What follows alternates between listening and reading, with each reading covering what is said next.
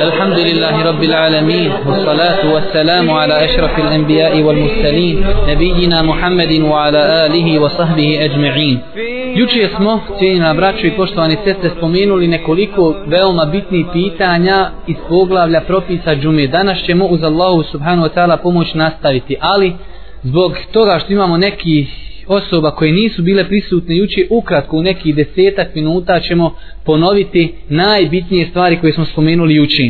Pa ćemo kazati da smo u prethodnim predavanjima govorili o dva uvjeta džumije namaza, to je da nastupi namasko vrijeme i da broj klanjača dostigne određenu granicu. Pa smo o tome govorili nadugo i naširoko i preferirali smo neka mišljenja koja su vama inšala poznata.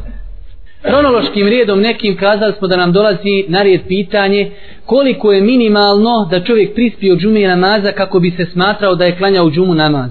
Pa smo kazali da je najispravnije mišljenje, mišljenje učenjaka koji kažu čovjek je obavezan minimalno da prispije na zadnji rekiat. To jeste da prispije da stigne imama na ruku drugog rekiata. Ako prispije do tada, znači smatra se da je klanjao džumu namaz normalno kada imam preda selam on će ustati i naklanjaće još jedan rekiat. To sve se zasniva na hadisu Božih poslanika sallallahu alaihi wasallame u Buhari i Muslimu ko prispije na jedan rekiat namaza stigao je na taj namaz. Dobro, imam ovdje jednu drugu stvar, a to je imam Ennebevi rahmetullahi Alehi navodi konsenzus islamskih učenjaka da čovjek ako dođe u džanju nakon što je imam predao selam u džumi neće klanjati džumu ako je sam već će klanjati podne namaz. Znači kazali smo da je minimalno potrebno da stigne da stigne na jedan rekiat da stigne imama na ruku. Ako se imam ispravi i ovaj on ga ne stigne taj čovjek će klanjati podne namaz. Nakon toga smo spomenuli dva uvjeta koji su malo jučer izgledali komplikovano, zato i danas nećemo ako Bog da ni spominjati. Došli smo do trećeg uvjeta, a to je držanje hudbe. Kazali smo po većini islamskih učenjaka, uvjet za ispravnost džume je da se održi prije džume hudba. Normalno islamski učenjaci oko toga razilaze da li da budu dvije hudbe, jedna hudba, kraća, duža, šta se sve uči, ali po većini islamskih učenjaka i to je stav tri pravne škole da je uvjet da se održi hudba imamo drugi učenjaka koji kažu da nije uvjet da je to sunnet da se održi hudba.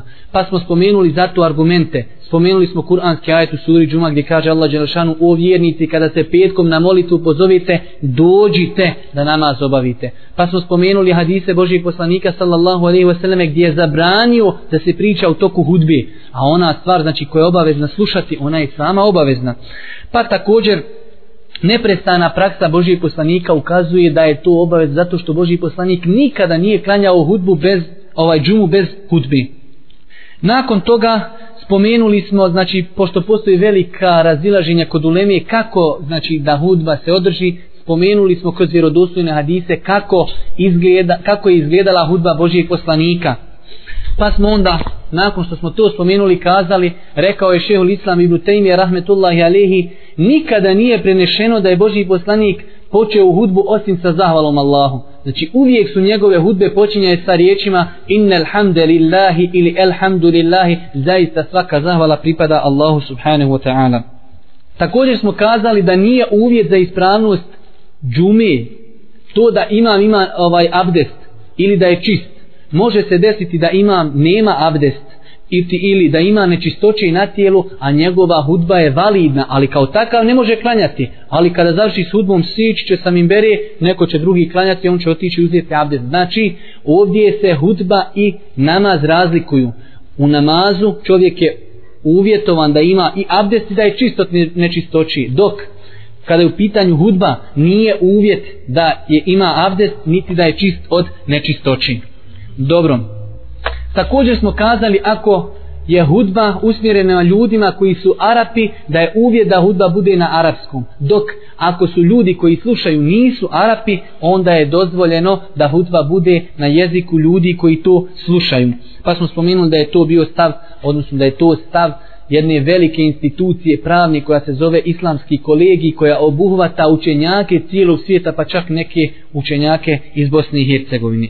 Također, nakon toga smo počeli govoriti o sunnetima ovaj hudbe.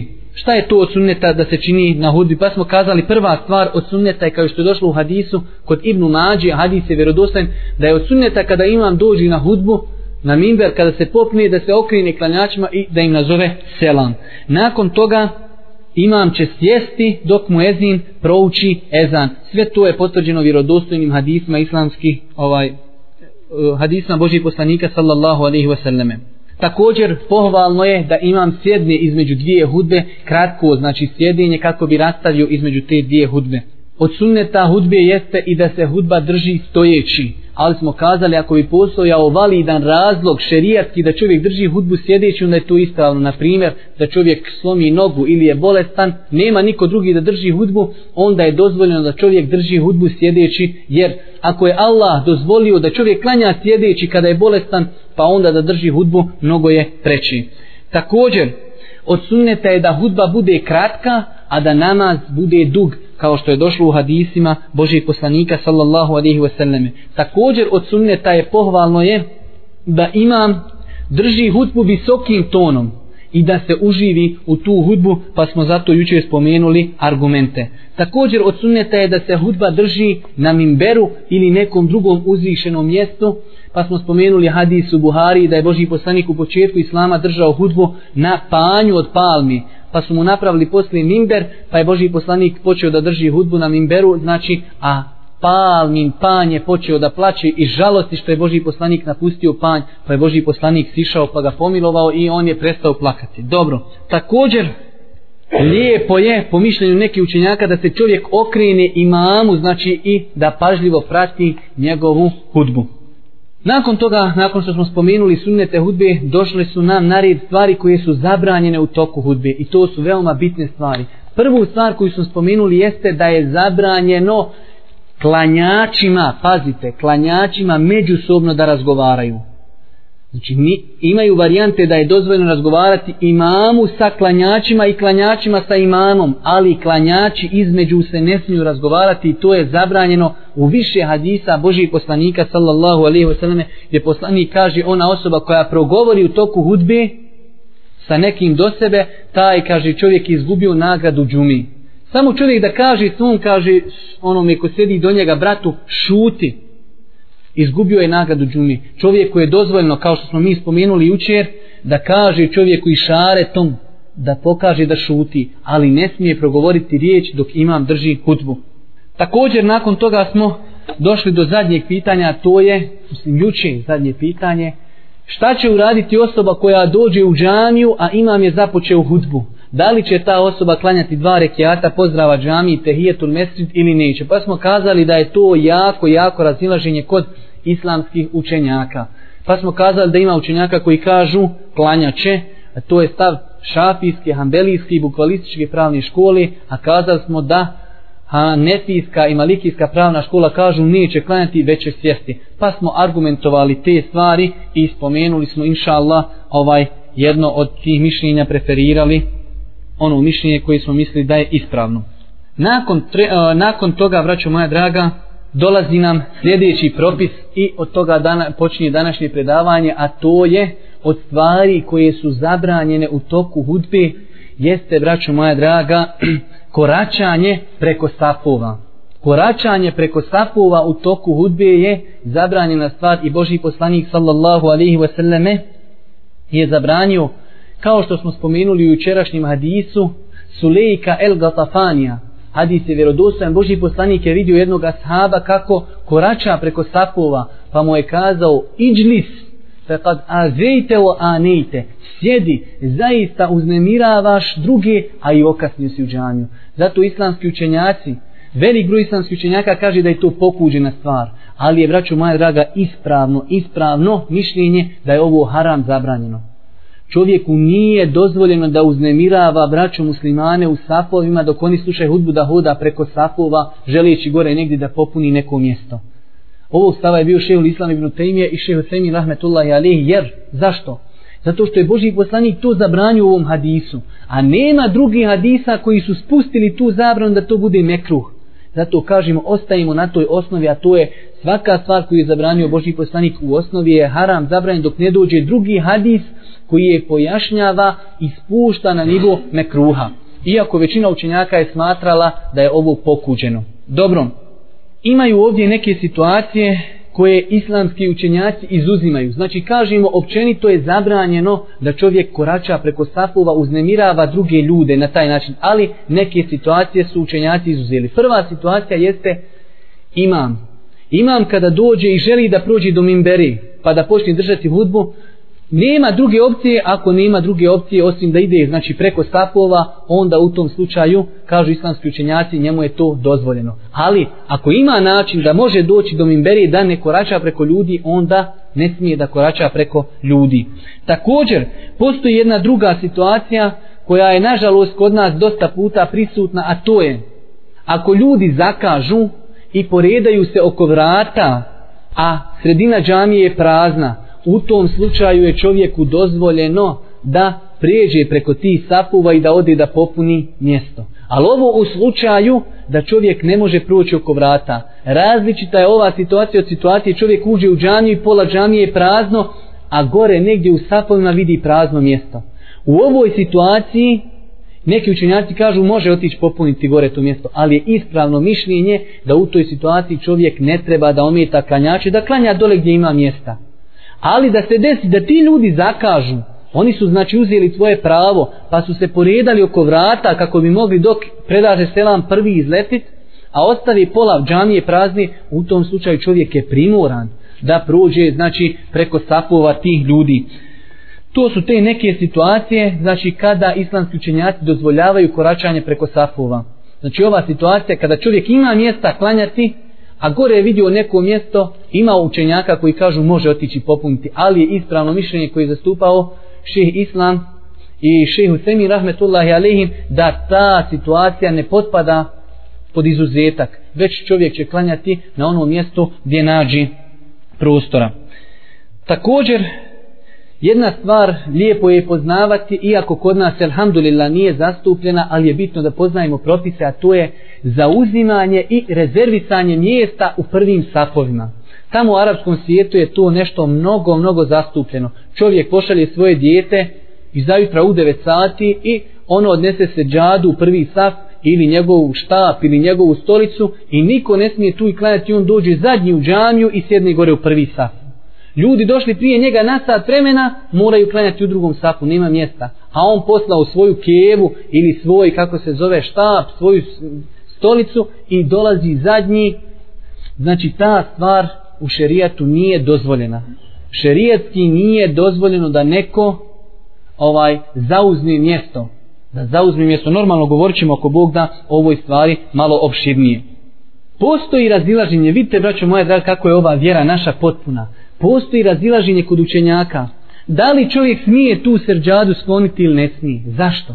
Zato što je to vlasništvo nekog drugog muslimana, nije tvoje, musli, nije tvoje vlasništvo. A pravilo je da čovjek ne smije da dira i da, znači, hajde da kažemo, radi nešto sa tuđim imetkom osim sa njegovom dozvolom.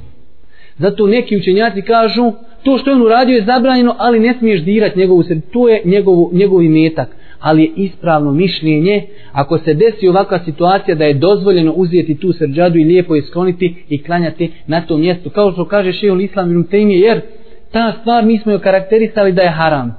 I tu je munker, to je zlo djelo. A čovjek kada vidi zlo djelo po šerijatu ako ima mogućnosti treba da to ukloni. I u tom slučaju čovjek će uzeti ovaj kako se zove ovu seđadu i sklonit i klanjat će ako Bog da na tom mjestu. Čovjek kada zauzima mjesto u džamiji na ovaj spomenuti način pravi nekoliko prekršaja. Spomenut ćemo samo neke od njih. Prva stvar, to biva razlogom njegovog kašnjenja u džamiju. Poznato je da je Boži poslanik sallallahu alaihi wa sallam preporučio rano dolaženje u džamiju. A ako čovjek, ako čovjek kasni, znači tako zauzima mjesto u džamiji, to je razlog da čovjek ne dolazi rano u džamiju. Znači propusti odmah jedan sunnet.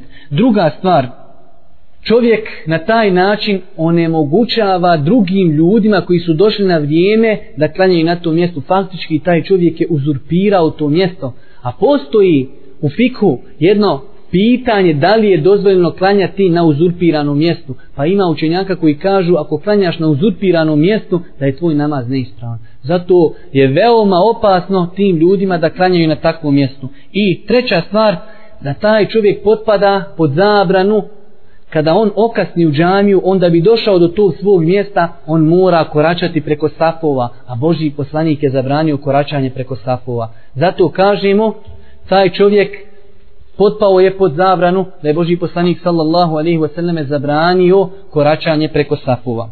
Normalno, iz ove situacije islamski učenjaci izuzimaju nekoliko situacija. Ovo treba zapamtiti. Znači, islamski učenjaci izuzimaju nekoliko situacija kada je dozvoljeno čovjek sebi rezerviše mjesto u džamiji. Prva situacija jeste da čovjek sjedi, dođe ranije u džamiju i sjedi, sjedi i desi mu se neka potreba. Na primjer, treba da ode promijenuti abdest. Ili ima neku fiziološku potrebu, treba da ode u WC, u tom slučaju njemu je dozvoljeno, zato što je u osnovi došao ranije, da stavi svoju jaknu na mjesto, da ode brzo, obavi svoju fiziološku potrebu ili da uzme abdest i da se vrati i inšala to je njegovo mjesto. Također islamski učenjaci iz ovoga izuzimaju iz zabrane da čovjek bude u džamiji. To je na primjer poznat slučaj u džamiji Božijeg poslanika pošto je to velika džamija. Bude u prvom safu, a zna da dole negdje u džamiji ima predavanje. I on klanja na primjer akšam namaz, ostavi na svom mjestu neku jaknu ili nešto i onda ode dole prisustuje predavanju i vrati se na namaz ovaj da ode i da prisustuje tom predavanju kada se završi sa predavanjem da dođe opet na, na svoje mjesto u prvom safu.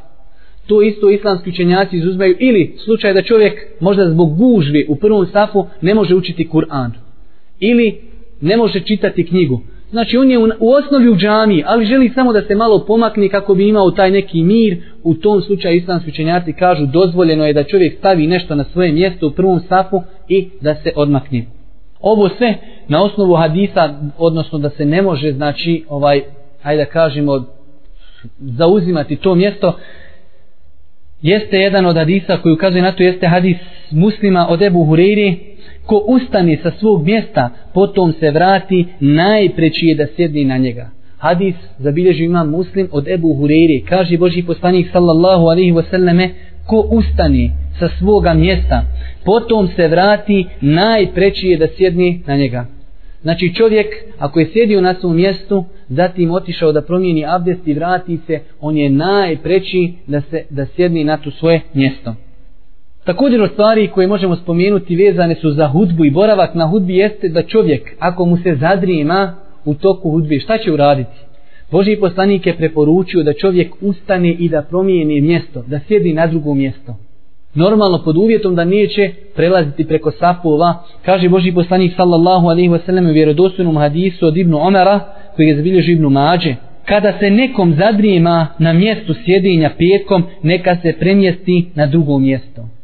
Boži poslanik sallallahu alaihi a sada to ćemo vidjeti da kažemo ta neka nova tehnologija. Kaže kada čovjek se usjedi pa mu se počne drinjati malo ustane njegova krv procirkuliše i ode djemež od njega. A vidimo da je to Boži poslanik sallallahu alaihi wasallam preporučio prije 1400 godina. Također, ovdje možemo spomenuti da nije dozvoljeno podići nekoga s njegovog mjesta pa da sjedni. Na osnovu hadisa Božih poslanika sallallahu alaihi wasallam u Buhari i Muslimu.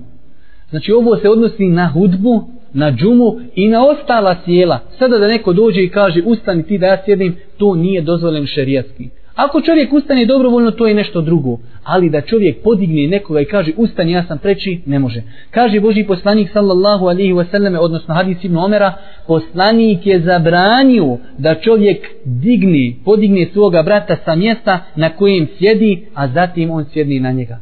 Hadis u Buhari i Muslim od ibn Omera da je Boži poslanik zabranio da čovjek podigne brata muslimana s mjesta na kojem je sjedio, a zatim sjedni na njega neki islamski učenjaci iz ovog izuzimaju neke stvari. Pa na primjer kažu dozvoljeno je podići malo dijete sa mjesta. Ali braćo moja draga, ispravno mišljenje je da se i mala djeca ne smiju podizati s njihovog mjesta. Mi smo prošle godine u jednom predavanju kada smo govorili propisi boravka u džamiji spomenuli ovo pitanje i kazali smo da podizanje djece s njihovog mjesta nosi sa sobom mnoge negativne posljedice a ostavljanje njih na njihovom mjestu nosi sasvom mnoge pozitivne. Negativne posljedice su ako ti dijete podigneš, znaj da će te to dijete zamrziti Sigurno. Druga stvar, to dijete će izgubiti moral da više dolazi da se natječe da duže u prvi sat. Treća stvar, možda to dijete ne sjedne više dolaziti u džaniju i mnogo drugih negativnih, kako se zove posljedica. S druge strane, ako to dijete ostavimo na njegovom mjestu, ono će shvatiti da mi njega uvažavamo, da smo mu dozvolili da tu bude. Samim time će možda zavoljeti boravak u džaniji, nas početi poštovati i mnogo drugih korisnih stvari. Zato je ispravno mišljenje da se i djeca, ona koja su razumna normalno i koja znaju klanjati, da se ne podižu sa njihovih mjesta. Također neki islamski učenjaci izuzimaju iz ovog, znači zauzimanja mjesta, da je dozvoljeno čovjeku da kaže svome slugi ili svome djetu, idi sjedi u prvi saf, ja ću okasniti. Pa kada ja dođem ti ćeš ustati, a ja ću sjesti. Ovo su neki islamski učenjaci dozvolili, a neki su zabranili. Zašto? Zato kažu to je indirektno, indirektno ovaj što bi rekao čovjek za uzimanje mjesta u džamiji i Allah najbolje zna, najbolje ove stvari sve ostaviti. Znači da čovjek i zapostavi i ovu stvari da je ne radi, pošto ima uleme, priznat islamske uleme koji su zabranili to da čovjek svome slugi kaže idi i sjedi u prvi saf, a ja kada dođem onda ću ja sjesti.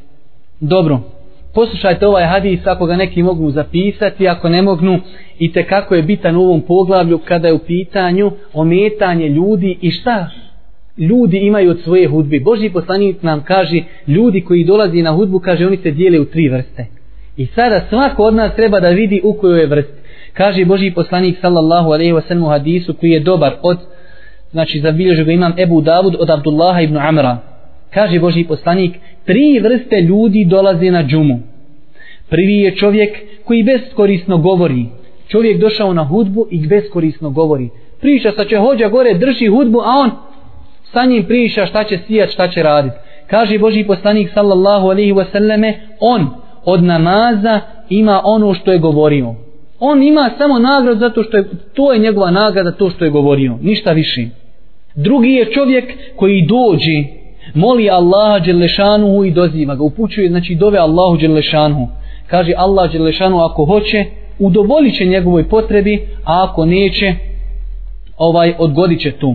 I treća osoba jeste čovjek, pazite ovo, ovaj najbitniji i ovo treba da gledamo imamo li pri sebi ove, ova svojstva. Kaže Božji poslanik, treći čovjek koji šuti i ne ometa druge muslimane koračajući preko safova preko njihovih glava, tome će njegova džuma biti iskup do naredne hudbe i dodatna tri dana. Pa je Boži poslanik proučio kuranski ajet, men džae bil haseneti felehu ašru emsaliha, oni koji urade jedno dobro djelo, bit će de, desetorostruko nagrađen. Ovdje čovjek znači, za to svoje dobro djelo, deset dana unaprijed, ako Bog da grijesu su mu obrisan do sljedeće hudbe, to je sedam i još tri naredna dana, desetorostruko zato što je mirno slušao i zato što nije koračao preko safova i preko glava svojih braći, svoje braće muslimana.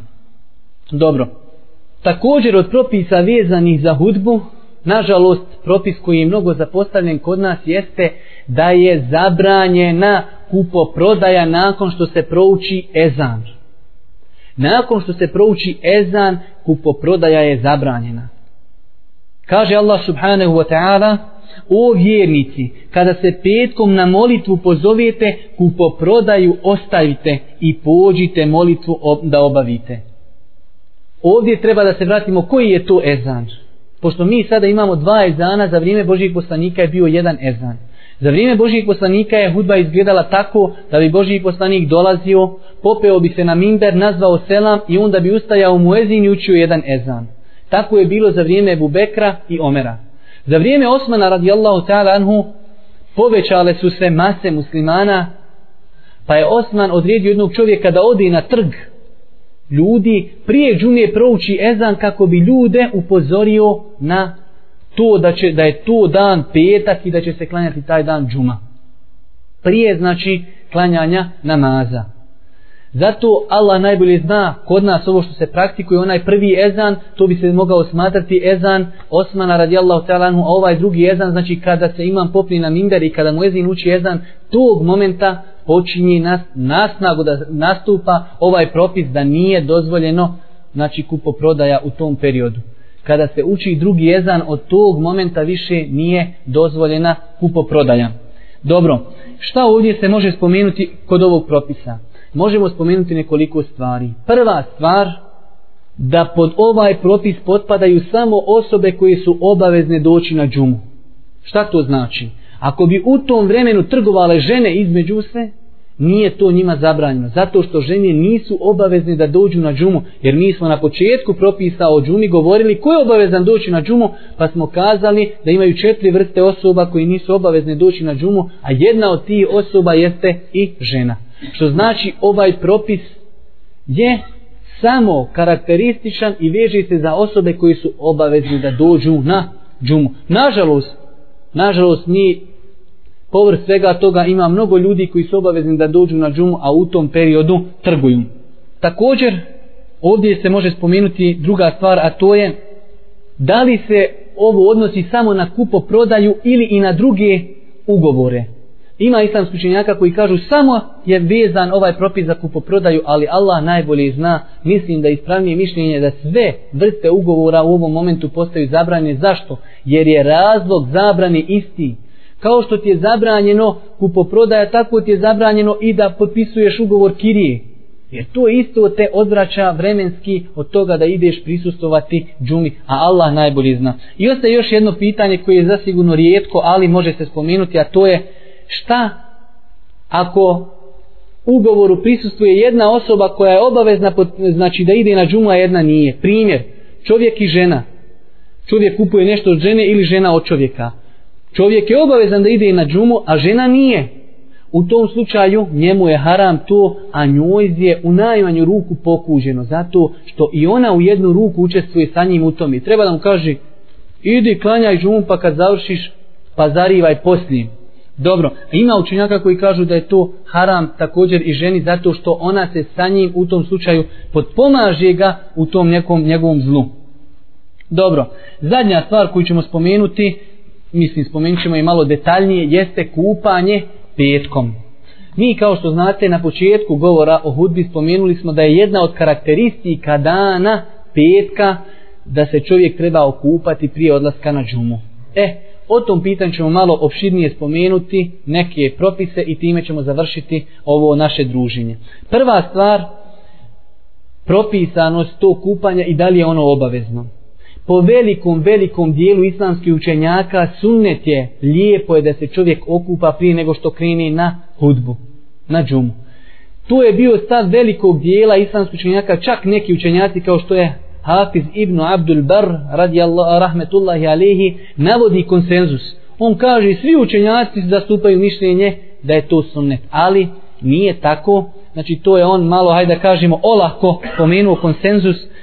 Ima drugi dio uleme koji kažu da je se petkom obaveza, vađib okupati. Tog stava je bio Omer radijallahu ta'ala anhu, Ebu Hureyre, Ebu Sa'id el-Hudri, Hasan el-Basri, imam Malik i imam Ibn Hazm. Ovo su učenjaci koji su smatrali da se petkom čovjek obavezan okupati. A većina učenjaka je smatrala da je lijepo da se čovjek petkom okupa. Spomenut ćemo ukratko kako vam ne bi dosadilo neke argumente ovi koji kažu da je to obavezno. Pa poslušajte na primjer hadis u, e, kojeg je zabilježio Buharija i muslim od Ebu Sa'ida el-Hudrija. Kaže Boži poslanik, kupanje petkom je obaveza, vađib. Baš došla riječ u hadisu vađib. Vađib kaže svakom punoljetniku.